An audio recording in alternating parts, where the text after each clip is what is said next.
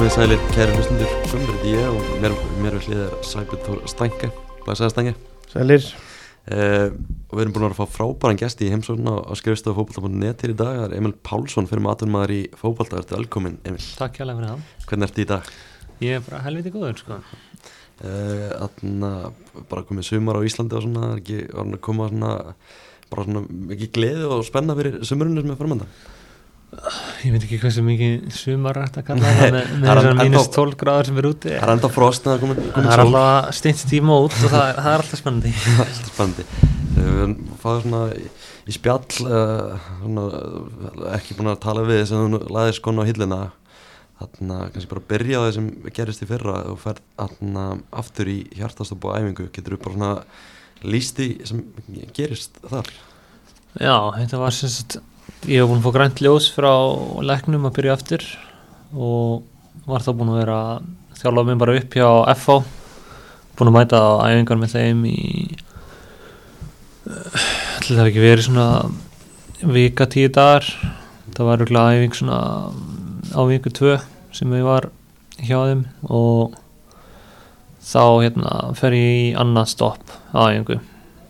Og það var svolítið svona það var svona svolítið það sem að enda þetta fyrir mig skilur fótbollega fótbollega séð, ef þetta gerist tvís var þá þá held ég að það, veist þá var ekkert sens á að vera að halda áfram skilur Mhm. Þú veist, eftir fyrra stoppi þá voru töluðu læknar um að veist, við fundum ekki beint orsökinu fyrir þessu. Og þá var svolítið talað um að það væri kannski bara freak accident. Að því það fannst engin orsök og það var allt tjekkað og veist, eins og bara í tilfelli Eriksen án þess að ég viti nákvæmlega hvað þetta var hjá honum veist, það verið ekki verið nákvæmlega sama enn hjá mér en þú veist, hann fekk grænt ljós og að halda áfram og það var svolítið svona það sem að við vorum að horfa í að gera sama og hann gerði. En þú veist, svo verðist þetta bara hafa verið eitthvað annað heldur en hann er með þannig að þegar ég fer í háan púls þá verðist vera einhvers konar vandamál sem að koma upp í hjertanu og, og núna í framhaldinu þá er ég bara með þröskul sem að ég má ekki fara yfir. Mhm. þarf að halda mig undir svona cirka 150 púls má helst ekkert vera að fara mikið yfir það og, og það mun líklega bara vera þannig til framtíðar hjá mér sko Þú segir að þetta gerist að ná æfingu hjá FH, ekki satt? Jú. Varstu eitthvað búin að undirbúa menn undir það, ef þetta myndi gerast hvað, hvað þeir ætti að gera? Já, ég gerði það reyndar svona að hafa meira í djóki heldur en ekki sko. Það, er, það sem ég sagði úst, sjúkarþáluninu frá því veist, eða bara svona útskýrði ef þetta myndi gerast hvernig úst, protokolli ætti að vera. En úst, það er rauninni mjög einfalt úst, það er bara að fara frá mér og býða skilur þú ert að býða í nokkra sekundur að þú ert að sjá hvort að sjá náttúrulega hvort að hérna bjargaraðurinn kikki ekki inn mm -hmm. sem að gerði bara þú veist það gekk allt fullkomlega hjá mér skilur þannig að ég er bara mjög, mjög þakklætur að veist, það hafa ekki farið verður heldur en það sko. Hefur þið heyrt bara hvernig þessar sekundur voru fyrir þá sem voru viðstættir já, ég fór sér til fór og heimsótti í lið eða veist, fór, fór upp í krika aftur daginn eftir. Ég held að allir hefði bara haft gott að því bæði ég og leikmennir að þetta er náttúrulega mjög, veist, mjög óþægileg tilfinning fyrir þá að sjá. En veist, þetta gerist mjög hratt og þetta gerist þegar við erum að þetta er eiginlega í uppbytunni sko, við erum eiginlega nýbyrjaðir að, að hlaupa okkur í gang. Og ég held að svona veist, þetta gerist kannski á 10-15 sekundum og ég held að flestir leikmennir hafi ekki eins og verið búin að taka eftir því hvað var að gerast fyrir hann að ég var bara að veist, vakna skilur en svo voru einhverju aðri sem að veist, sjá þetta frá byrjun sko, þannig að veist, þetta getur það verið mjög þetta getur verið alveg traumatizing fyrir fólk að sjá skilur þannig að ég held að það verið mjög gott fyrir bæði mig og þá að ég hef farið bara strax aftur daginn eftir og bara tekið í spaðan og öllum og sínt þeim að bara það er allt í góðu og þurfa ekkert að hafa áhyggjur af þessu sko. Er einhver, er einhver upptaka til þess sem þú voru séð jafnvel eða? Nei, ég hef ekki séð, ég held að þeir hafa ekki verið með myndaverðinar í gangi akkurat þarna þegar aðeingin var í gangi en ég er búin að sjá upptöku þegar þetta gerist í fyrsta skipti. Þú veist, sjúkarþjálfurinn er þarna, eða ekki? Jú, Já, var, þú veist, var það hefna að hann var þarna eða er hann veist, með öllum æfingum alltaf? Um, það er ekkert sem að hann getur gert skilur mm. Þannig að það skiptir eiginlega ekki öllu hvort hann sé sjúkriðálfari eða ekki á staðinum þegar svona gerist það því að það er ekkert hægt að gera nema bara vonast til þess að björgráðurinn kikki inn sko. Mm.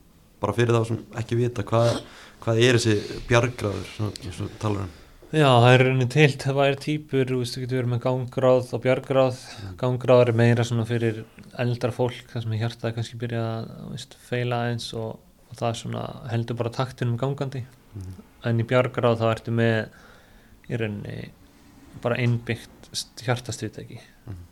þannig að í björgráð þá ertu með stuð sem þú færð bara frá tækinu ef að það kemur eitthvað upp á skinu Mm. þannig að tæki bara, það greinir bara hjarslátturinn Mm. og það finnur bara fyrir því bara, heyrðu, ok, það er eitthvað sem er að núna hann þarf að fá stuð, skilur, og þá gefur gefur það minn stuð og þetta var það sem var grætt í þig eftir fyrra hjartstoppið já, já þú þarft í rauninni í svona hjartstoppi og þarft að fá stuð mm. til að þú getur lifað af, skilur, það er ekki hægt að gera neitt annað Mm. þannig að það var það sem, sem bjargaði þér í, í setna skiptið já, alveg klárlega, sko, Mhm. bara 100% mm. ef ég ekki verið með bjargraðan í þá hefði bara, veist, þá hefði þurft að gera nákvæmlega eins og það sem að gerist í fyrra stoppinu, það hefði þurft að finna hjartstuðtæki og setja á mig og allt þetta. Og svo það er alltaf áhætta þegar það er í gangi, skilur Mm.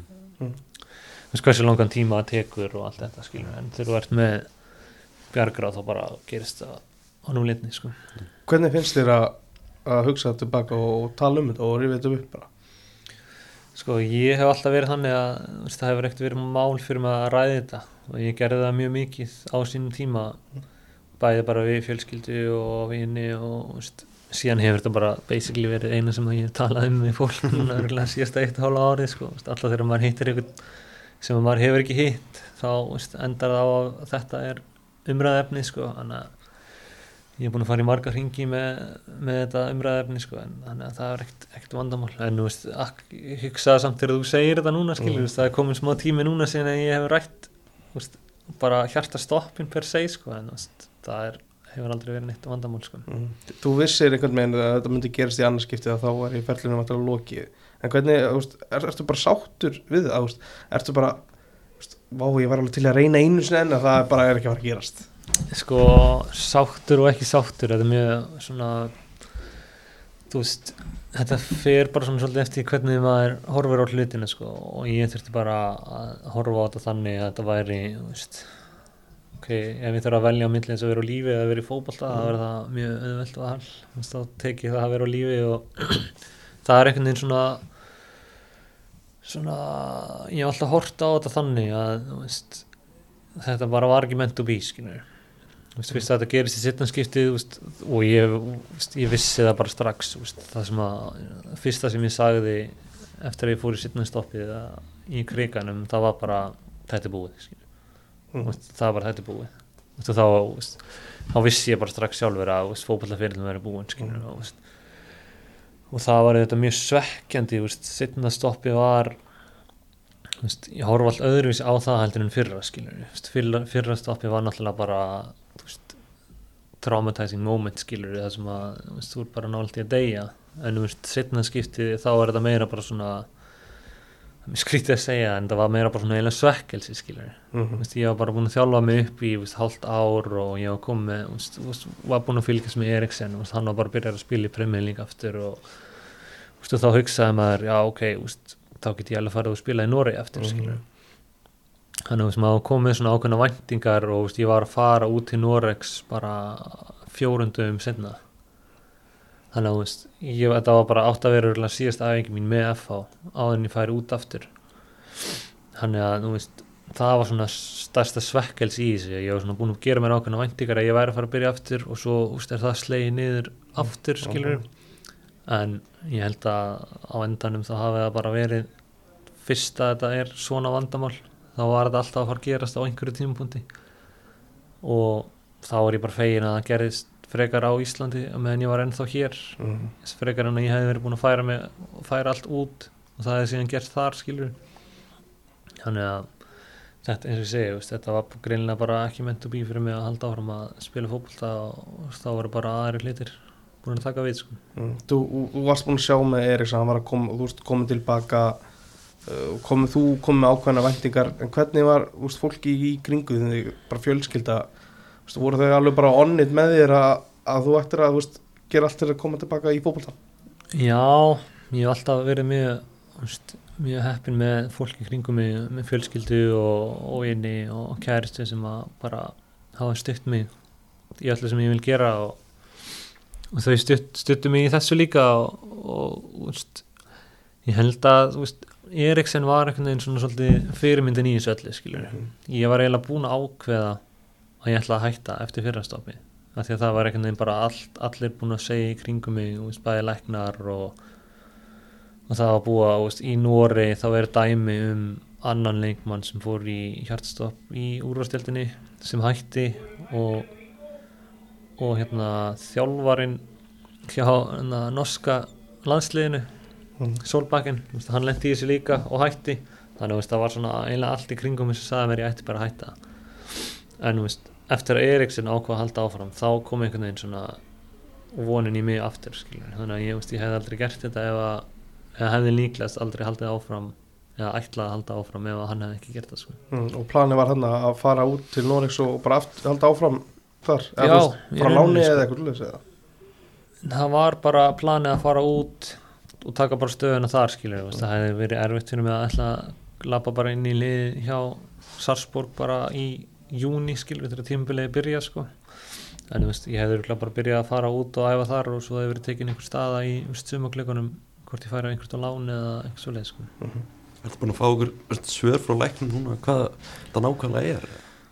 Já, um, það góða við hennu Bjargar að hann bjargar ekki bara mannsliðum heldur en hann, rí, hann rekordar allt sem að gerist með hérna hjarsláttin þannig að þeir gáttu séð þú veist þeir gáttu séð svona transkript af hjartanu þegar þetta gerist og þú veist, þeir voru með svona ákveðna kenningu fyrir eða, þú veist, kenningu um fyrra stoppið Mm. hvað kom fyrir en þú veist, þeir gáttu ekki sanna en þú veist, svo kenningu að síðan sönnuð í setnaði hjartastoppinu sem að verið svera á og ég með aukaslög sem að verða sem sagt, hættuleg þegar ég er í háum púls Mm.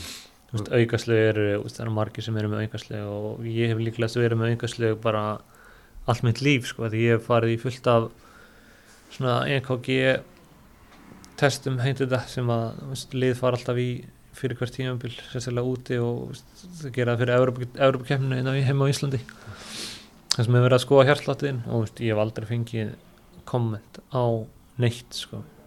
en þú veist, þessi göm, gömlu test voru skoðið eftir ég fór í hjartstoppu þá sáust aukastlega á þeim sko. Mm. Akkur fólk fattaði að fólk ekki verið að þú veist, aukastlegin eru bara mjög algengt skilur og þeir eru í 99% tilfella bara skadalega skilur Mm. þannig að það er ekki eins og kommentað á það ef að þú ert með aukastlega, það var allavega ekki gert í mínu tilfelli sko. Ert þú bara þá í þessu eina prósendi? sem er- já, það minnst fyrir þeirra sko. Það er rosalegt Ertu með, þú veist, ger, gerir eitthvað núna til þess að koma í, veist, já, þú mátt náttúrulega ekki fara yfir ákveðin púl sem gerir eitthvað við aukaslögunum öðrum auk- já, en þetta er í rauninni bara liv já, þannig að ég er á tvennskona livjum sem ég þarf að vera á líklega bara restin lífinu allavega eins og staðinu núna. Og ég er mjög heppin að ég náða að koma mér í samband við þýskan hjartalækni sem að hjálpa okkur svona aðeins að veist, ég samráði við læknarna sem ég er með á Íslandi sem hjálpa okkur svona aðeins að setja upp prógram hvernig væri best að, að gera þetta framvegis. Og þá er rauninni bara reglunda það er að ég þarf að halda mig undir 150 púls sem að er úst, ágætlega hátt, úst, ég get gert í rauninni næstu í allt sem ég vil í staðin fyrir eitthvað svona high intensity Mhm. æfingar. Þannig að ég bara, úst, ég er bara að lifta styrtaræfingar og reyna að gera eitthvað svona kardió sem er aðeins læri púls. Og svo er ég bara á tvennskura leifjum sem að að koma að reyna að spórna við einhverjum hjartlantröflunum sko. og þá vantar alltaf með púlsmælin á þér í öllum æfingum þannig að vera alveg viss hvað þú ert að gera ég neðist til að vera með Apple Watchið og mm. og fylgjast grannt með hvar púlsin er sko en veist, það er auðveldur í ræktinni en veist, síðan var ég til dæmis í bandaríkunum um daginn og var að spila tennis við svila minn Mm. og þá fór svona, tók keppninskapi manna aðeins og langt og svo sá ég eftir að ég var komin upp í 170 hann í púls þannig að ég var aðeins svona, fekk smá skammir fór kæristin eftir það sko. Er, er það þá mikið sem þú þarft að hafa ágjur af í, í daglegu lífi? um, Nei, ég myndi ekki segja að ég sé með miklar áhyggjur sko. Mm. þetta er ekki nema bara veist, nema þegar ég er í háum púls og í daglegu lífi þá er, er það náttúrulega ekki oft sko, nema bara þegar þú ert að æfa en auðvitað kom einhverja svona aðstæður sem að sem að maður hugsa um þetta. Til dæmis ég var á spáni með félagum mínum síðast sumar og þá þá fórum við að surfa. Mhm. og þá fann ég, veist, ég var, var ekkert að pæla í þessu því að, veist, ég hugsaði að, þú fer ekkert í háan púls, en svo svona þegar ég var komin út í vatni á brettinu, þá byrjaði ég að finna svona, henni það var ekkert spes ef að það myndi eitthvað koma upp á núna þegar þú ert í sjónum, skilur, Mm. þannig að, þá, þá átta mig þessu á að, svona í ákveðnum aðstæðum þá er maður aðeins, veist, meira varum þetta skilur sem er náttúrulega bara eðlilegt, sko. Það er kannski ekkert mikið að tala um fyrra, fyrra stoppið bara þarna fækst alveg rosalega mikið svona stuðning hérna, eftir að það gerðist, bara hvernig var að finna fyrir öllum þeim stuðningi? Já, það var náttúrulega bara frábært sko og hjálpaði mér hjálpaði mér alveg helling í allavega svona þú veist, á fyrstu vikunum eftir þetta gerist sko því að það náttúrulega var erfiðast í tímina því þetta er náttúrulega bara rosalegt sjokk sko Mhm. en það hjálpaði klálega mikið að finna fyrir bara stuðning sem ég fekk bæði í Nóri og Íslandi sko Mm. breytist þú veist sínina á lífi eitthvað, ég veist, eitthvað með ráð fyrir því en eh, þú veist, og missir, missir eitthvað þú veist, missir eitthvað, eitthvað hluta af minninu eða gerist eitthvað í þessu Nei, ég var bara mjög heppinn Mm. Með það að gera að veist, ég var úti í mjög stuttan tíma þannig að veist, það var engin svona engin skaði sem að hafði áhrif á framtíðina hjá mér veist, það er náttúrulega bara mjög það hættulegasta í þessu er náttúrulega það að ef þú ert veist, úti of lengi Mhm. án þess að fá trítment þá veist, hættir súrefnin að fá nei, hættir hérna heilin að fá súrefni og þá getur orðin einhvers konar heilaskaði sem að er náttúrulega ekkert afturkvæmur sko þannig að það er bara ég var rosalega heppin að, að þetta skildi gerast á fótbollagölli ég held að það hafi komið í ljós svolítið svona eftir þetta að fótbollagöllin er eitt að einn af bestu stöðunum sem þú getur farið í hjartastopp sko því að þú ert með, eða þú veist og í mínu tilfelli þá var ég með veist, sjúkrabíl og sjúkraflutningamenn og, og lækna og sjúkratalvara allt veist, allt þetta fólk í 50 metra radíus sko þannig að það eru margir sem að geta komið og hjálpa þér á sama tíma sko. Þannig að veist, það var bara það sem að hjálpaði með það að ég geti á, veist, að ég sé bara fullkomlega heilbyrður í dag sko. Mhm. en eins og með sínina á líf þú veist, gerir eitthvað í dag sem að þú veist, byrjaðir að gera eitthvað svona sem að þið langaði að fara að gera en gast, gast kannski ekki, þú ert náttúrulega ekki lengur maður í, í fótbolt, það er meiri tími en, en þú veist, breyttur eitthvað hjá þér? Ég gæti farið í frí á sömurinn það er kannski svona stæðsti munun nei, nei, klálega þetta þetta breytir klálega svona sínin á lífið og maður byrjar að horfa eins svona öðruvísi á hlutina heldur en að maður gerði áður og og veist, ég held að svona aðalega þá sé þetta bara svona staklæti fyrir það að vera heilbreyður og geta gert það sem maður vil sko. Í mínu tilfelli þá er þetta svona það þarf rosalega mikið til að ég fara að kvarta yfir einhverju mm. af því að þú veist þetta veist, það er svo margir sem hafa það skýtt skilur og, og þess að í mínu tilfelli þá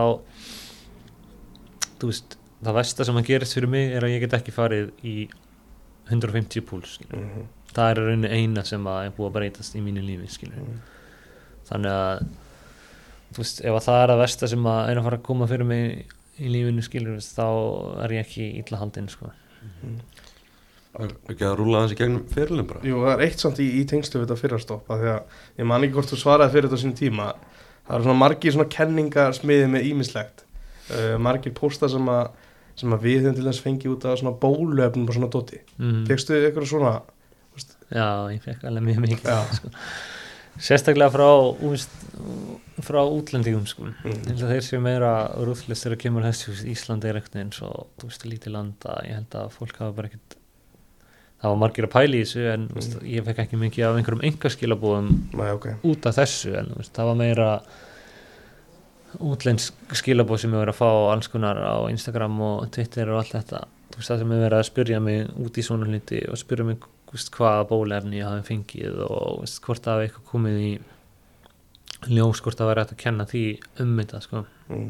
en þú veist ég, það er rosalega erfitt að segja til um það núna veist, það er ekkert hægt að veist, þú sér kannski ekkert beint langtíma áhrifin sem að eins og bólefni, Mhm. bólefni hafa en þú veist, ég tel að það séu rosalega litla líkur á að það sé hægt að tengja þetta tvent saman sko þú veist ég, þá er ég eini leikmaðurinn í Nóri Mm. af mörg hundruð skiluru sem að lendi í þessu þú veist þannig að hversu algengt er þetta eða hversu mikið getur kent bólefni um þetta ef að það er einn af hverjum þú veist 10.000 eða 100.000 sem að þetta kemur fyrir veist, áður en að bólefni komið þá er örgulega einn af hverjum 100.000 sem er að lenda í hjartastoppi skilur þannig að þetta er alveg veist, ekki segja að þetta sé algengt en veist, þetta gerist samt skilur þetta gerist það eru tilfelli á hverju ári þar sem að er óútskýrt hjartastopp skilur Mhm. þannig að ég tel að mjög hæpið að það sé hægt að kenna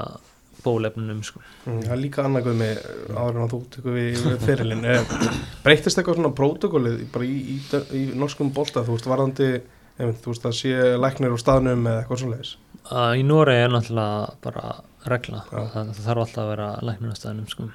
eitthvað sem að ég held að geti ekki verið sniðut að gera á Íslandi sko. Mm. Veist, það er alltaf það verður að vera, vera sjúkrabíl á staðinum sem er bara á Evrópuleikjum til dæmis á Íslandi Mm. ja, það var allavega þegar ég var að spila á Íslandi ég veit ekki hvort það sé búið að breytast núna ég held ekki sko. Mm. þannig að veist, í Noregi er alltaf sjúkrabíl og læknur á staðinum skilur. þannig að það er náttúrulega mjög gott og ég held að það sé eitthvað sem að ætti að vera á Íslandi sko. en hertu þér eitthvað í Nóri jökuð þér eitthvað uh, ég held ekki ekkert sem ég veit af allavega í Mm. Noregi en ég veit að það gerist á Íslandi til dæmis eins og í FH sem að er náttúrulega mitt lið Mhm. sem að veist, þeir eru með mjög flottar aðstæður og stóra aðstæður veist, þeir eru með þrjú, þrjú hús og en fyrir hjartstoppum mitt þá held ég að það hafi verið eitt hjartstuðdæki okay. sem var inn í Kaplakrika Mm. fyrir öll þrjú húsin já, og veist, ef þú ert í veist, það getur tekið nokkra mínútur að fara á milli skilur, Mhm. og ef að þetta gerist í dvergnum sem að er minnsta húsið þá myndir þú að hlaupa þú veist, 200 metra, sækja koma tilbaka, að hver einasta sekunda getur skipt máli. Þannig ég veit að eins til og með þar þá var veist, er komið hjartstöðtæki í öll húsin skilur. Þannig að veist, ég held að það, og pottitt fleiri dæmi um þetta sem að ég bara veit ekki af sko, en ég held að það hefur klárlega sportnað við einhverju svona eða fengið fólk til að hugsa sig aðeins um og, og kanna hvernig aðstæðanir eru hjá sér og hva, hversu mörg þetta ger á staðinum eða hversu langt er í þau sko. hugsaður mikið þú veist, að, eftir þetta að þetta fjölga testum sem að leikmann fari í bara þess að mögulega fyrirbyggja eitthvað Já, ég hugsaði það en síðan eftir því sem að maður talaði meira við hérna, lækna og, og ég á kærti sem að er í læknisfræði sjálf og, og er að klára núna þannig að hún er komin svolítið langt og, og hefur náttúrulega mikið áhuga á þessu og úst, við hefum rætt alls konar hluti tengda þessu. Og þú veist eins og ég til dæmis í mínu tilfelli veist, það er ekkert sem að veist, er séð sem er að í öllum hjartatestum sem ég farið í. Og síðan í öllum rannsóknum sem ég fer í eftir hjartstoppið þá er ekki fundið neitt skilur og ég var í átta daga bara á mjög stóru sjúkrafis í Noregi þar sem að er skoðað allt og það var ekkert sem þið gott að sagt mér Mm. þannig að þú veist er hægt að spá fyrir um þetta úst, ég held að það sé ekki hægt sko. Mm. eins og sérstaklega í Eriksen tilfelli úst, Eriksen er að spila á stærsta sviði veist bara eitt stærsta svið íþróttum í heiminum skilur og hann lendir í þessu skilur hann er með úst, hann er að spila á hæsta leveli sem að hægt er að spila og búin að gera það í úst, tíu ár fyrir hann leik skilur þannig að það er skoða allt hjá honum. En hann lendir samt í þessu skilur þannig að úst, ég held að það sé svolítið svona staðfesting á því að það, bara, það er ekki hægt að spá fyrir um þetta sko. Það- aðlega þarf bara að vera tilbúin fyrir þetta. Já, eins og það er mitt veist. eina sem að þú getur stjórnað er hvað getum við gert ef að þetta kemur fyrir hér skilur þannig að það er þetta bara hjartastuðteki er nummer 1 og 3 sko. Akkurat, ég hef ekki að rúla hans yfir fyrirlega Jú, uh, Fyrir bara í byrjunna fyrst Byrjar á Ísafirði og fer svo í FH Af hverju, FH á þeim tímpoti og líka sögursandurum til dæmis Val. Af hverju, Mm. af hverju vilur FH? uh, þetta þróast þannig að ég var í þetta byrjaði bara þegar við vorum í sko, það voru alltaf svona helgar sem voru haldnar á laugavatni. Mm það sem að leikmenn bara allstaður utan á landi komu saman og voru að æfa. Þetta voru svona úrtaks, úrtakshelgi fyrir veist, undir eru verið um 14-15 ára. Og þar kynnist ég svolítið af F.O. strákunum það var aðalega Kristjáni Gauta. Og við erum bara góði félagar. Og það endar á því að ég þú veist, síðan erum við saman í landsliðunum á meðan ég bý fyrir vestan og hann í hafnafyrir þannig að alltaf þegar það eru hérna, æfingar um, veist, þetta voru alltaf svona helgar þar sem að veist, U15 voru að æfa saman eða U16 veist, í eigisöllinni og eitthvað svona.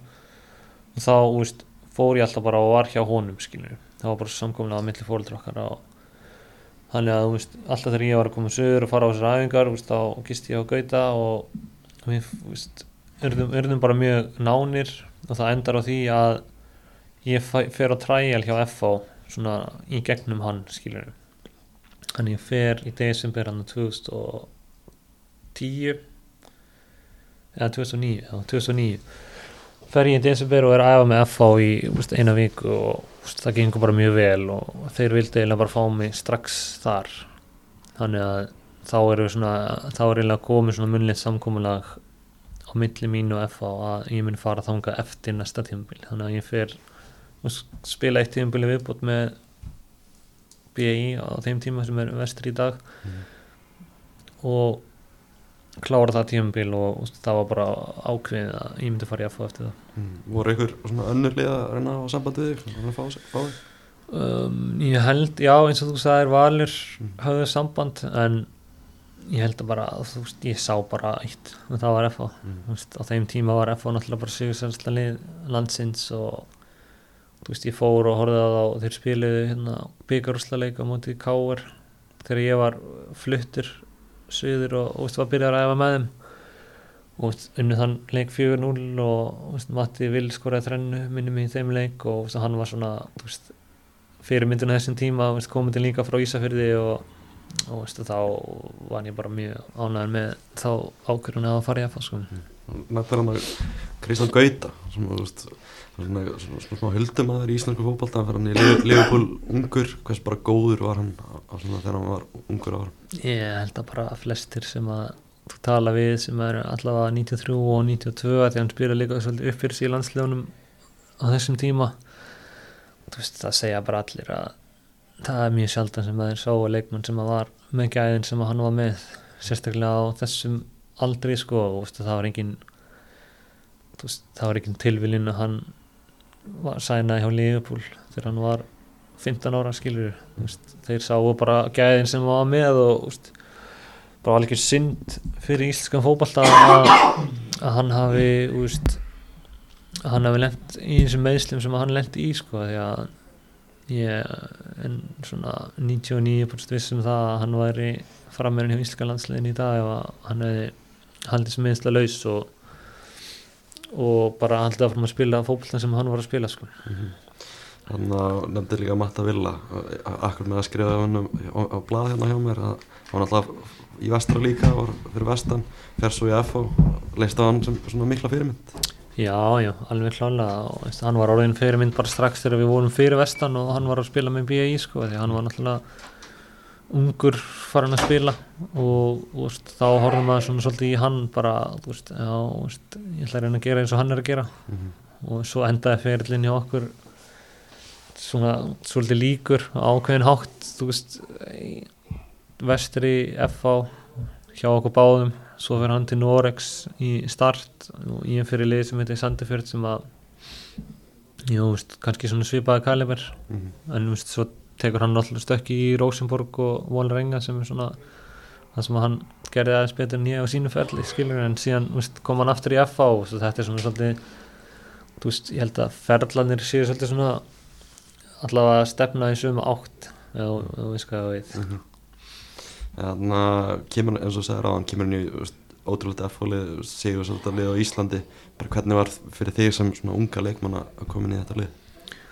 það var bara geggja sko ég hefði ekki viljað hafa þetta neitt öðruvísi sko að ég held að þú þegar þú kemur inn í svona hóp sem var svona sterkur eins og F-hópurinn var á þessum tíma þú veist þá neyðistu bara til að aðlagast og þú veist þú vilt frekar vera í betra umhverfa því það mun gera því að betri leikmanni.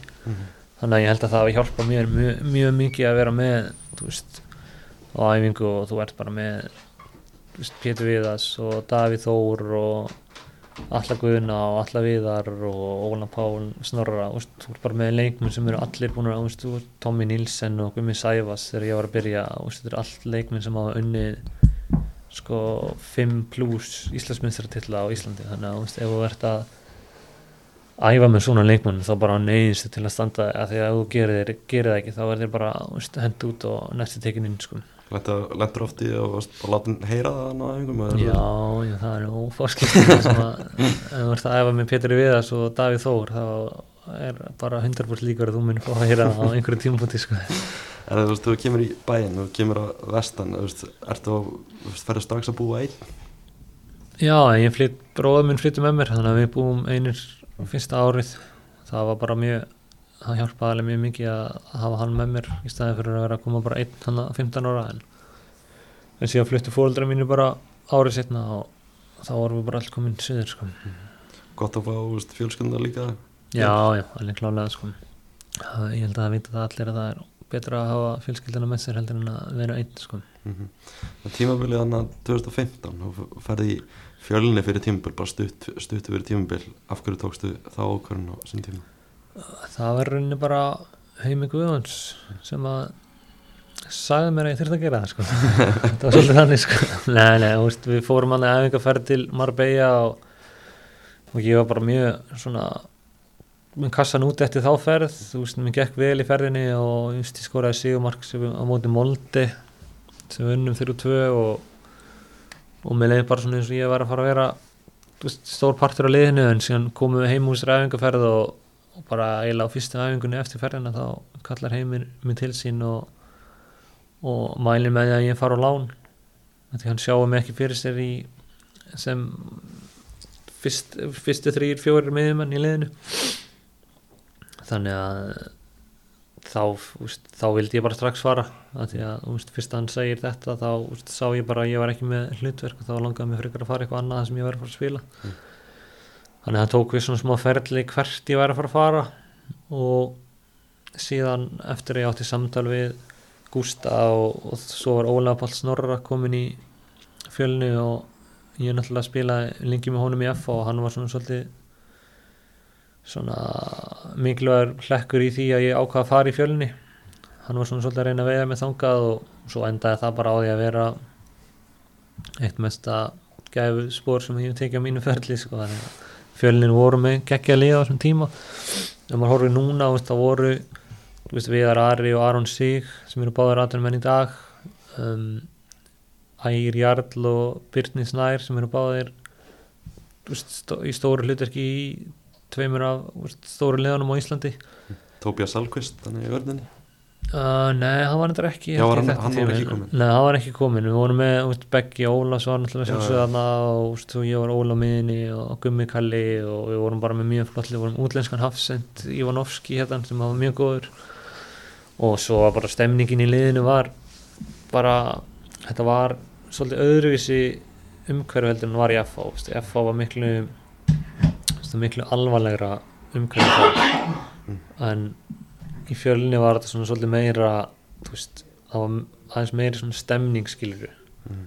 það var ekki svona mikil pressa það var ekki mikil pressa að vinna leiki eins og er í FA og, og ég held að það á, hjálpa, hjálpa svolítið og svona alltaf Gústi Gilva við erum mjög góðir félagar í dag og veist, hann gaf mér bara svona trausti sem að ég þurfti á að halda Mm. Og því í FA þá ertu alltaf með svona hangandi yfir þú veist að ef þú ert ekki að fara að standa þig þá ertu að fara að missa sæti eitt í liðinu en ég fekk svona svolítið tröst í fjölni bara þú veist, þú ert að fara að spila sama hvað skilji. Mhm.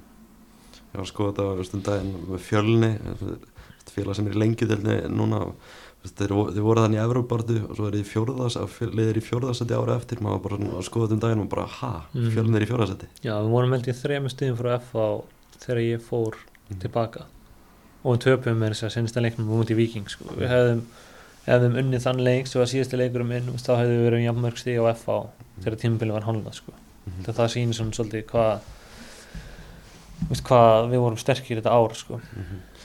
þegar heimur þú veist, segir við að kannski bara best fyrir að fara á lán ertu, ertu pyrraður út í hann og FH Já, já, þetta maður er náttúrulega svektur maður náttúrulega sér, ákveð, maður sér fyrir sér ákveð tímabil Mhm. og, og ég var búinn að sjá fyrir mig bara að ég ætlaði að vera miðjum að nummer eitt í FH þannig að þetta var auðvitað smá svona blöðtuska í andliti sko en, en veist, eftir að maður er lengur í fótballinu þá áttum við þessu bara á því að veist, þetta er bara þeir eru bara að gera það sem er best fyrir liðið Mhm.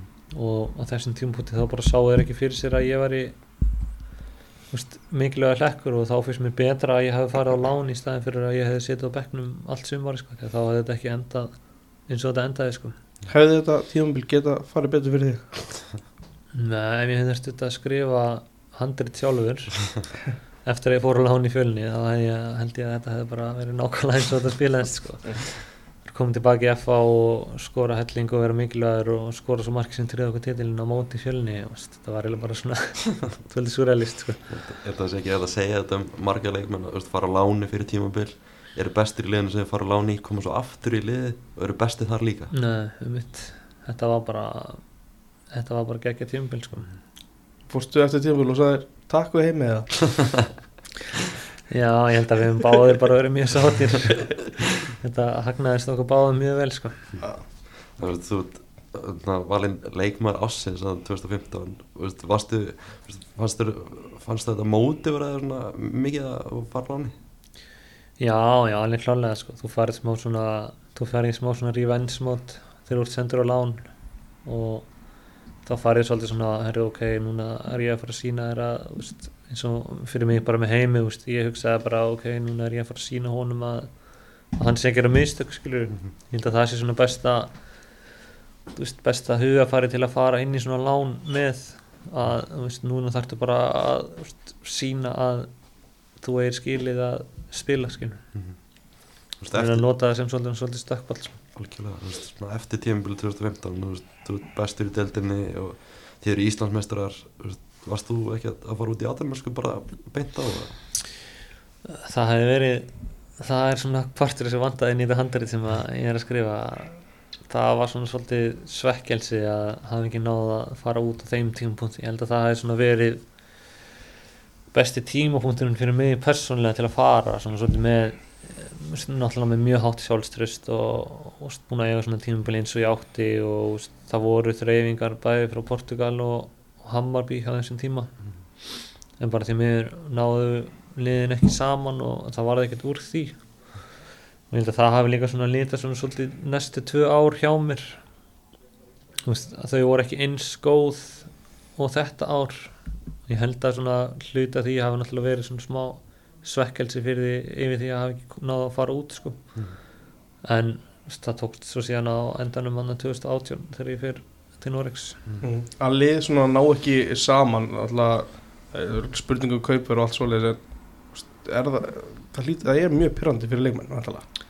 Já, sjálfsögðu er það náttúrulega mjög veist, þetta er svona staða fyrir leikmann sem að er ekkert sérstaklega góða því að þú ræður kannski ekki beint rosalega mikla því að þú er bara samningsbundin og veist, þetta er bara undir liðunum veist, þú getur náttúrulega sjálfsögðu hægt áhrif.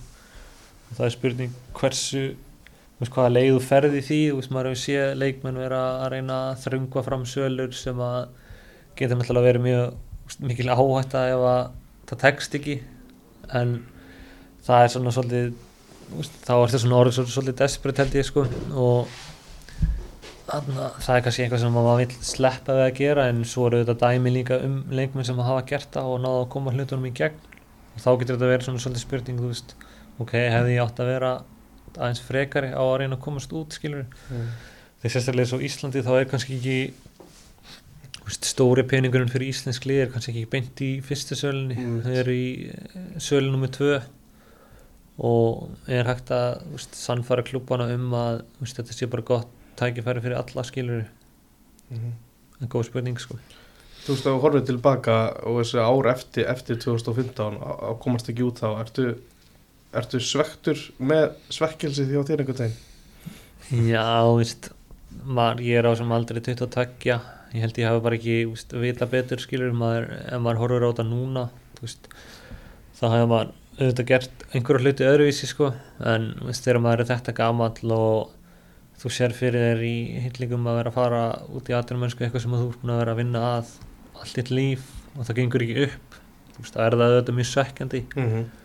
það er alveg eðlilegt að það hafi áhrif á þig og áhrif á þinn leik en nú veist þetta er bara spurningin um hversu mikið lætur þetta hafa áhrif á þig og hversu veist, nærða að stýra haustum aftur á réttan stað sem að ég held að ég hafi náða að gera á endanum sko. Þú veist, Belenses í, í Portugal, varstu farin að læra portugal sko? það er, ég, veist, ég ætla ekki að ljúa það er verið fínt að flytja í sjáarbæjan réttur utan Lissabon og annar íslensku leikmaður sem var að spila hana, þetta hljómaði náttúrulega mjög vel sko. og þetta var líka lánssamningur með option á kaupum sem að veist, mér fannst vera mjög ideal fyrir alla aðila því að þú veist ef þetta hefði ekki gengið upp og ég hef ekki verið kiftur þá hefði ég verið að koma tilbaka rétt fyrir mót Mm. búin að vera aðeins með portugalsku úrvarslið í halvt ár skilur þannig að veist, auðvitað koma svona hugsanir upp í hausinn á manni ef og hefði skilur en veist, maður getur ekki verið að sakka sér of mikið ofan í það sko. Ve veistu það hvernig það, það eitt og sér gekk ekki upp?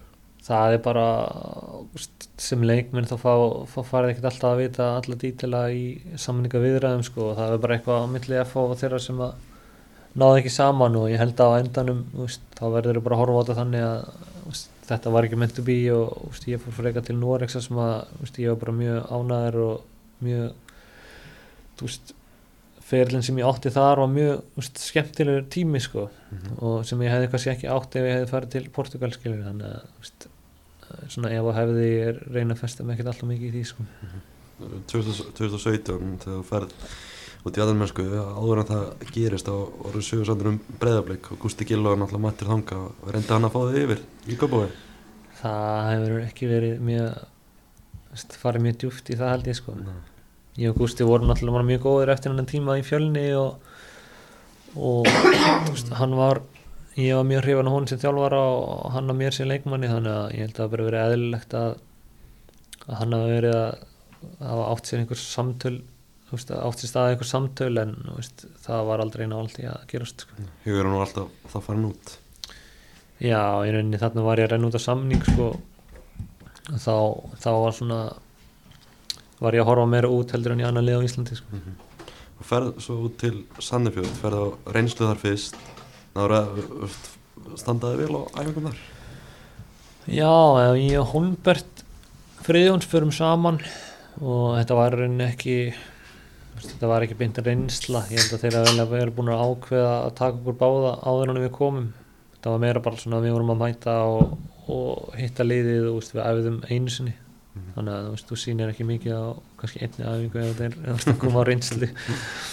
Þannig að við mættum hann út saman og vorum hann í fjóra-fimm daga og, og munurinn var bara ég var samnings, nei ég var, veist, var laus en Holbert var með samning.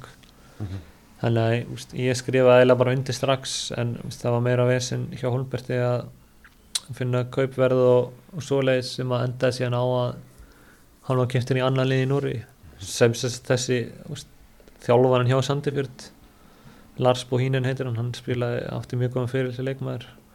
Hann sess, var þjálfar í Sandefjörd þegar við komum hana síðan skrifa ég undir og síðan hættir hann sem þjálfari.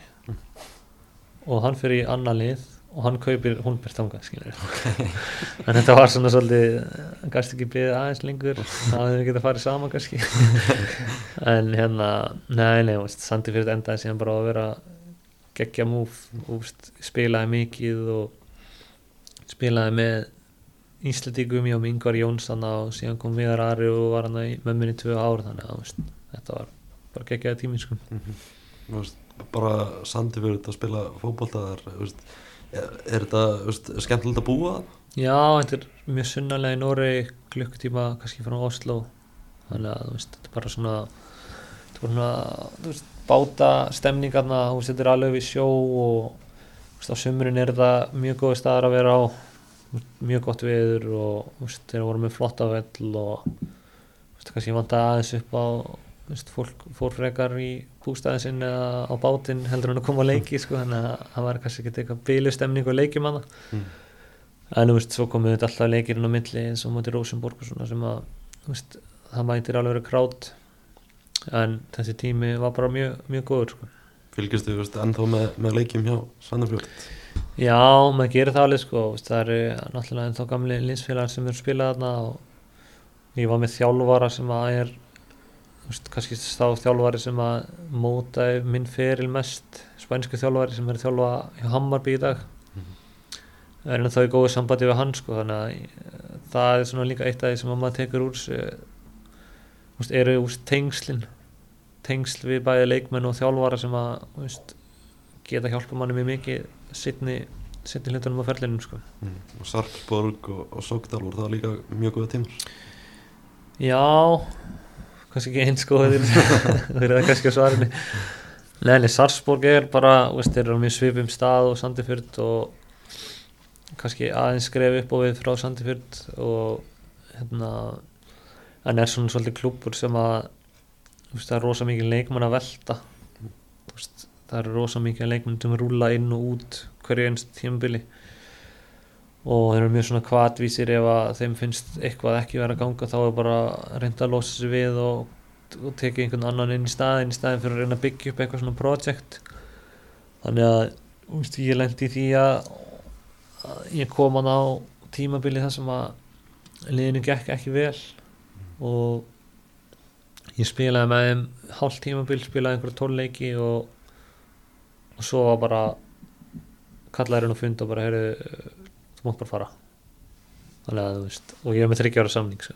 Ok þannig að veist, þetta er svona sýningan og þetta er ekkert einstæmi þetta er eitthvað sem gerist í fótballta á hverjum einasta glugga skilur þannig að þá ákvað ég að fara bara lán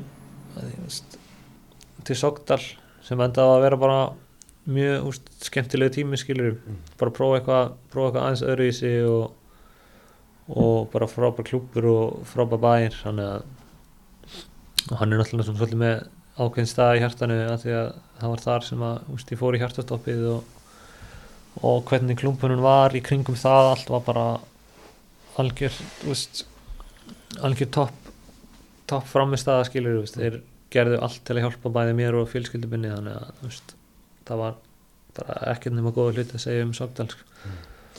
Sarpsborg er sagt að með bara fara hvað gerist hjá félaginu náttúrulega fáði inn hvað gerist að, sem verður til þess að vilja láta þið fara eftir 6 mánu Já, þetta er rauninu bara sem ég var að segja áðan með, þú veist, sumi klubbar eru bara svona með, veist, svona leikmanna veldu, skilur, Mm, já. það er margir leikmenn sem að, veist, það er stuttur, veist, það er stutt, hvað myndum að segja, það er stuttur þráður fyrir framistu, þannig að, veist, ef að leikmenn er ekki að klikka eins og þeir nákvæmlega vilja, þá er bara svona, þá er mjög fljótir að fara í bara að reyna að losa hann í staðin fyrir að, að fá einhvern annan inn í staðin, sko. Þannig að það var bara það sem að ég og fleiri í liðinu lendum í, í þessum glugga og, og veist, það er bara fótballinu er harður heimur og, og ég fekk að kynast í veist, ég hefði farið kannski nokkuð þægilega í gegnum ferilinn minn skilur þannig að þetta var svona fyrsta fyrsta svona alveg uppsett sem að ég lendi í á mínu ferli að þú veist tíu dögum áður en að glukkin lokar að þeir sem bara sagt að þú mátt fara skilur annars ertu ekki að fara að vera í hóp sko. en þú veist þá þarftu bara að tækla það eins vel og getur skilur og í mínu tilfelli þá var það veist, frekar en að setja fyrir utan hóp að fara og, og spila í fyrstildinni með Sögdal sko. kom aldrei til greina að vera bara þykja launatjakan og sitja upp í stúku? Nei, það gerði það ekki sko. ég var ekki eh, búandi í Nóri til að gera það sko. Nei, nákvæmlega. Kom eitthvað svona uppbygglar spennandi tilbúð að spila utan Noregs á einhvern tíma eftir að ferða út? Um, nei, rauninni ekki. Sko, þetta spilast alltaf skringilega upp á það að gera að fyrsta tímabili mitt það er örgulega besta tímabili mitt. Og ég var sérst á ég var sérst á ég slít sérst hásinn eftir það tímabil.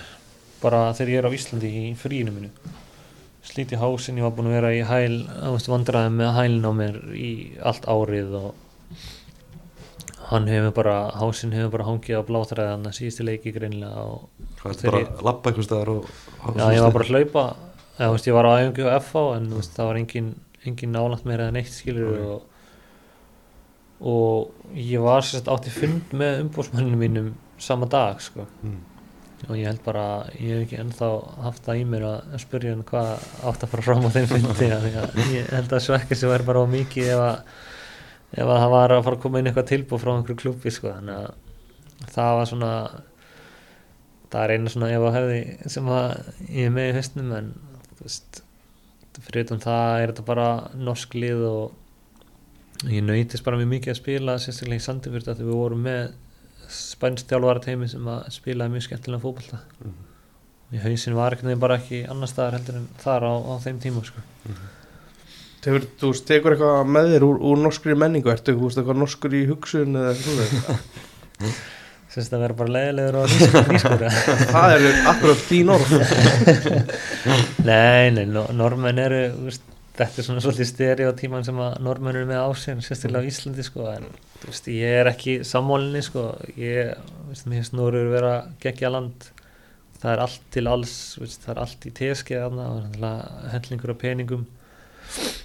Og þú veist ég hef ekkert slemt að segja um normenn en ég held að þeirra ég held að ekkert ég hef ekki tekið byndi eitthvað úr þeirra menningu með mér sko, nema annað heldur en bara tungumálið og, og en þú veist ég held að það muni alltaf hjálpa mér í framtíðinni að hafa að prófa að búa á öðrum stað heldur en á Íslandi og, og ég finna að ég er svona eftir að maður er búin að vera á Íslandi í svona tíma núna það er maður alveg komið með smá sakna að vera bara úti einhver staðar sko þannig að en neða, ég held að sé ekkert það ekkert er alltaf sko. gott veður hérna. Já, einmitt. Er ekki alveg svona kallt í Norri?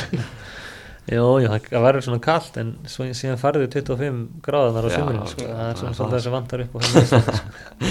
En svona bara að lítið tilbaka á Atanam fyrirlin Ertu, ertu sáttu með hann? Sáttur og ekki sáttur sko, þú veist, auðvitað er ég bara sáttur með að hafa náð því markmið að verða aturmaður sem að var alltaf mitt markmið en, en þegar þú horfir á ferilinn tilbaka þú veist, á auðvitað hefði maður vilja meira skilur og veist, þegar þú fer til Noregs þá er þetta svona svolítið þú ert að reyna að nota Noreg sem stökkpall inn í stærri deildir í Európu og annarkvort það eða í þessi stóru lið á Norrlundunum eins og Rosenborg eða FCK og Malmö og þessi lið sko. þannig að auðvitað var maður alltaf með það í hausnum að reyna að fara í lið eins og Sandefjörd og Sarsborg og þú veist standa sig vel þar og komast þaðan í eitthvað stærra gig og veist, auðvitað var það alltaf stefnan en þú veist, það tókst ekki en veist, ef ég horfið tilbaka við fyrirlið minn þá veist, það var ég bara mjög ánæður með þú veist, sérstaklega eins og Íslandi veist, að vinna mikið að titlum og spila mikið Evropuleikjum og veist, ég spilaði í FH þegar þeir voru bara sigur sérstælið landsins sem að veist, maður getur ekki tekið sem sjálfsögum hlut sko. Er eitthvað svona sem stendur upp úr á, á ferðin? Já, það er náttúrulega klálega bara þetta tímabilan 2015 sem að við erum búin að ræða og veist, það var örgulega mesta besta tímabilin sem ég átt á ferlinum og svona nöyt þessi örgulega mesta að spila fótboll þá sko. Þannig að það er klálega það og, og síðan þetta fyrsta tímabil í aðtunum versku sko eftir þetta tímabil 2015 þá spilaru þinn fyrst og eina landsleik. Hvernig Já. var svo upplifun? hún var ekki eins jákvæð hún hefði átt að vera sko. Þú veist þetta var það bara heiður og veist, það er gaman að geta sagt að maður hafi spilað landsleik en veist, auðvitað hefði viljaðar yfir fleiri heldur en einn en veist, ég spilaði með eins mára fyrir fram á mig þannig að ég get, ég get sagt það ég hef spilað leik með eins mára af, þú veist, af hverju var hann ekki svona Já.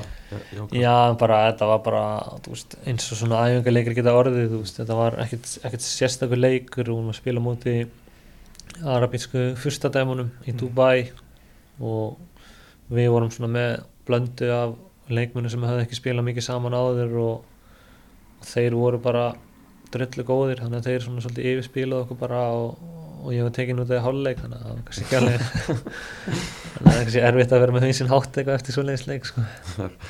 En núna, þú veist, þegar fótballverðlunum er, er leikmannaverðlunum er lokið, hvað tekur við? Fluttur heim til Íslands?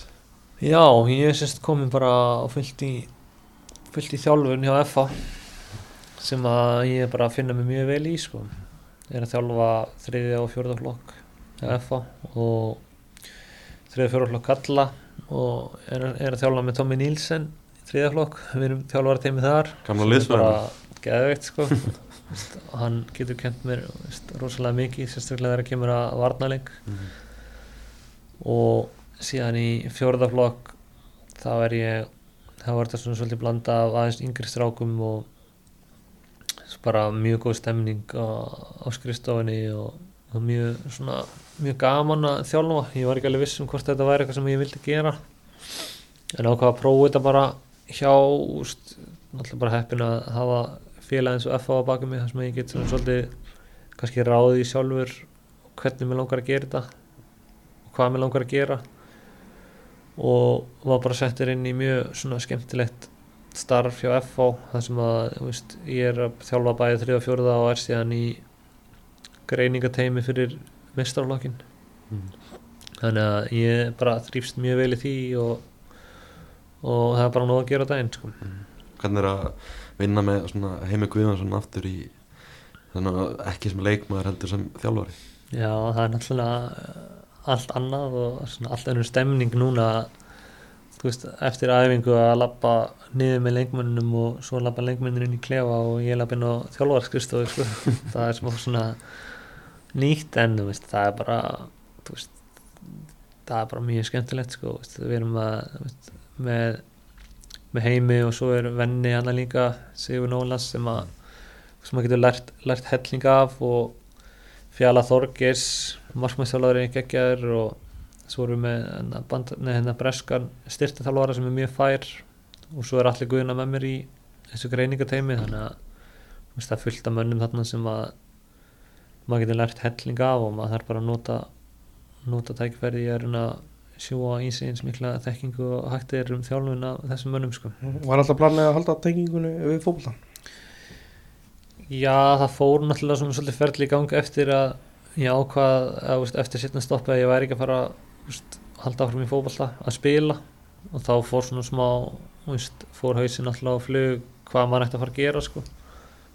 en svo fann ég bara að veist, fótballin var það sem að tókaði mig alltaf mest til sín og, og maður er náttúrulega með ákveðna þekkingu um fótballta sem maður fær bara að því að vera leikmaður í svona langa tíma. Og ég veist, fann bara að það var langt besti staðarinn fyrir mig að halda áfram að reyna, reyna að nýta þessa þekkingu í eitthvað og að reyna að gefa eitthvað af sér sko. Þannig að það er alveg að þínu frumkvæðin sem að þú byrjar að vinna fyrir FH það er ekkert, það er enginn sem að íti þér upp á Nei, ég raunin ekki sko, ég og Davíð Davíð Þóra náttúrulega, ég var klassmyndumála núna í FA og, Mm. og við náttúrulega erum nánir og, og við heldum alltaf svona sambandi í gegnum þetta og þetta var alltaf svona á baku eira að ég vissi að það var svona örgisnitið ef að ég var ekki að fara að finna mér neitt að gera sko en síðan á endanum er þetta bara búið að vera það sem að ég hef hellingspassion fyrir að, að þjálfa og veist, ég held að besta svona staðfestingin á því er að veist, þegar ég ligg á kottanum á kvöldin þá er ég að hugsa um taktík fyrir fjórðaflokksstrákana mína og, og ég held að það sé svona góð staðfesting á því að maður er svona svolítið komin á alinn í þetta sko. Mm, Þú nefnir hann að þú allir gunna er svona í greiningateimi að svona, virðist vera meira svona um það núna að sé að fá menn svona í greiningavinn og svona. Hvað eru þið persónulega að gera?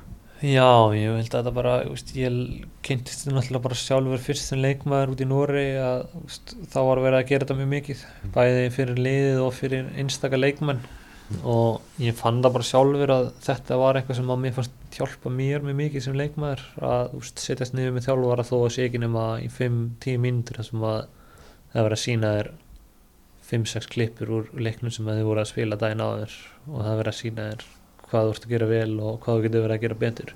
Mm. þá ertu svona svolítið fann að planta fræjum inn í hausin á leikmönnum og mér fannst það mjög gott sem leikmaður sjálfur að vera með svona litla hluti sem ég gæti verið að hugsa um þegar ég var að æfa og þannig að þegar ég kom inn á æfingarsvæði þá var ég að hugsa um ok, ég þarf að snúa líkamannum aðeins meira svona þegar ég er að fá boltan eða ég þarf að vera að skoða betur í kringum mig áður en ég fæ veist. strax þú byrjar að hugsa um svona litla hluti þá myndu bæta þessi leikmaður þetta er bara eitthvað sem að verði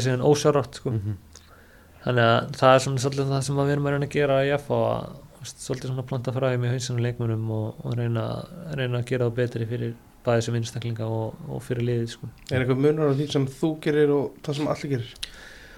Já, allir hann er náttúrulega algjör séni sko, hann er starfræk búin að vera starfrækkennar núna lengi og hann er svona svolítið meira gagna gagna drifin sko Mm.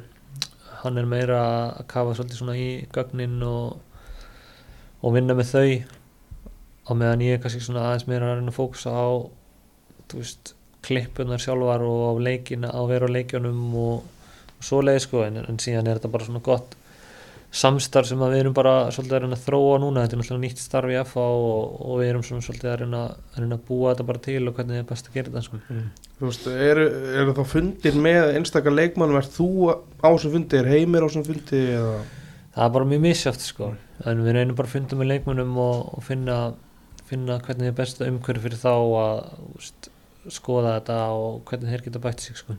Hvernig verður það þá í sumar? Verður þú upp í stúku með Airpods í sambandi við aðstofþjálfur Já, að það lítur allt út fyrir það sko við, já, en mér finnst þetta bara mjög veist, það sem ég held að sé mjög mikilvægt skref í þjálfaraferli og, og sem ég fekk svona sem ráð frá þjálfurum sem ég talaði við áður en ég byrjaði að þjálfa var að veist, ég ætti að taka yngreflokku þjálfum fyrst. Það er svona svolítið hugsunni sem að leikmennur eru með og ég var sjálfur með hana þegar ég fór að hugsa um þjálfarafyrir fyrir sjálfa mig að veist, maður vill bara fara beint í mestralokkin maður heldur að maður viti allt og, og maður getur bara farið beint í mestralokksbolta og, og byrja að þjálfa í pepstildinni en það eru rosalega langt frá því og mér var aðlægt að fara að þjálfa yngri flokka og, og gera öll mistöki þar fyrst áður en ég færi að þjálfa mestralokksbolta og og ég, veist, ég finn það bara strax að ég er að læra nýja hluti í hver einstu viku og, og ég hefði ekki átt breyk í að vera þarf að fara í mestarlokksbólta eftir því sem að ég er búin að vera að upplega með fjórðaflokkstráka og þriðaflokkstráka sko. ég held að það sé bara mjög holdt fyrir alla sem ætla að fara að byrja að þjálfa Þú veist, ég vildi fara í allir um hann að bólta þannig að ég fór í þriði og fjórða og en ég held að það sé bara mjög holdt fyrir þjálfara að fara og þjálfa þá flokka fyrst og og læra aðeins inn á það hvernig þú ætti að undirbúa æfingar og undirbúa leiki og, og allt svo leið sko þannig að en mér finnst líka gott að geta verið hluti af misturlokksteiminu líka mm -hmm. með eitthvað hlutverk þar skilur þannig að ég kynnist svona á sama tíma hvernig það er að vera að þjálfa misturlokkslið sko Þetta hlutverk í, í kringum mistraflokkin, þú hefur verið leikmaður undir stjórn heimis, nú ertu svona, svona sér aðra hlið, hlið á honum, er hann, er hann alltaf öðruvísi? Já, veist, það er náttúrulega ánægis að fara eitthvað djúpt í það hvernig hann er, veist, þá er, er, er það bara þannig að þegar þú ert þjálfari þá þarftu að halda svona ákveðinni fjarlæð frá leikmennunum þínum og veist, allar ekkert að þú getur ekkert orðið alltaf góða vinur allar að skilur það því að þú þarft að halda 20 leikmennum ánægum sem að er bara ómöðulegt starf sko en að sjálfsögður aðeins öðru í stemning þegar þú ert komin inn á skrifstofana heldur en þegar þú ert út á út á fókbaltavelli sko, það er alveg klart sko. Er hann skemmtilegri? bara öðruvísi, öðruvísi skemmtilegur Hvað hva er langt þá getur við sjáum, sjáum því meistarlóks þjálfur? það er bara helviti góð spurning sko, ég held að það tíminn bara eftir að leiða það í ljós sko, en ég, ég vill þetta maður er þetta stefnir á að, komast inn í mesturlagsbólta sem fyrst sko og hvort sem að verður á næsta tímabili eða þar að næsta á bara eftir að koma í ljós sko. Bara svona að lokum það er innan við mánuður í bestu þetta maður trúið eða ekki með, með veðrið og tíust eða frost í morgun eitthvað. En veist, hvernig lístu bara á F-fólið það er náttúrulega erfitt tímabili fyrra. Ertu vongum að verði betra í ár? Já, alveg klálega sko það er, mér finnst blandan í liðinu vera mjög góð. Veist, það er svona á mikið rætti fyrir að veist, það vanta þessa leikmenn á milli 23 og 30 ára og, og veist, ég held að blandan sem við erum með núna í leikmannahópnum sé mjög góð. Við erum með reynslu mikla leikmenn í öllum línum. Við erum með Sindra sem við spila mikið og góð markmaður og svo erum við með Eggert og núna Danni Hattaka Finnans í vörninni og þeir eru með unga leikmenni kringu sig og svo erum við með Bjössa og, og Lenny inn á miðinni og þeir eru með unga leikmenni kringu sig og svo er Kjartan henni frammi og svo er Úlfur með honum þannig að veist finnst blandan og svona balansi á liðinu vera mjög góð og og veist en ég held samt að það F-fóingar þurfa að vera bara með báða, báða fætar á jörðinni og, og koma bara mjög hömbul inn í þetta tímabili eftir að það sem að gerist í fyrra og úst, auðvitað eru það er alltaf væntingar í kriganum en úst, það eru ekki á háar. Ég held að F-fó þurfi bara að byrja að taka eitthvað einu í sumar og, og bara sjá hvernig þetta spilast sko. Reyn, eða, úst, uh, leynist einhver starf annað næsti Emil Páls í F-liðinu Já, fóliðin Ég veit ekki hvort það séu margi leikminn sem væri að stefna að verða Emil Páls í framtíðin sko, sérstaklega eftir að hjartastoppi það er kannski búið að draga svolítið úr fyrirmyndinni.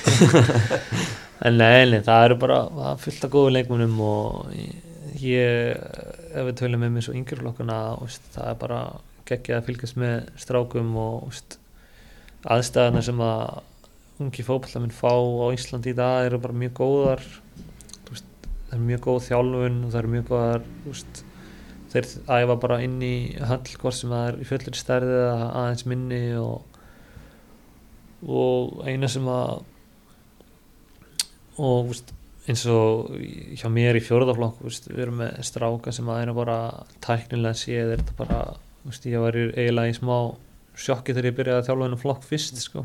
ég vissi náttúrulega ekki alveg við hverju átt að búast sko en bara hversu tæknilega góður þessi leikmenn eru og veist, hversu agaðir þeir eru er bara veist, frábært að sjá og veist, ótrúlega gaman að þjálfa flokk af svona strákum sem að þú sér það eru bara all in og bara lifa fyrir fókbalta sko. mm. Er þetta ekki mikil munur á því frá því þegar þú varst í þriðja og fjóra flokki að svona aðstöðun?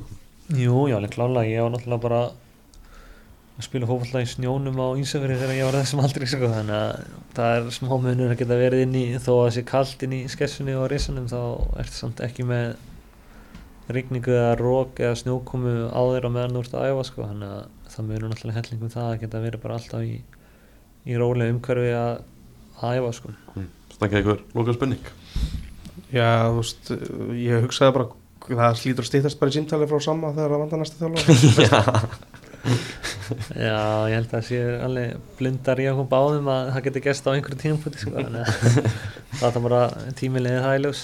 Mm. Ég láta það bara vera loka honum. Ég. Takk hérlega Emil fyrir að koma í heimsó Takk sem við leins Gangið greiðar vel í þjónum Takk hérlega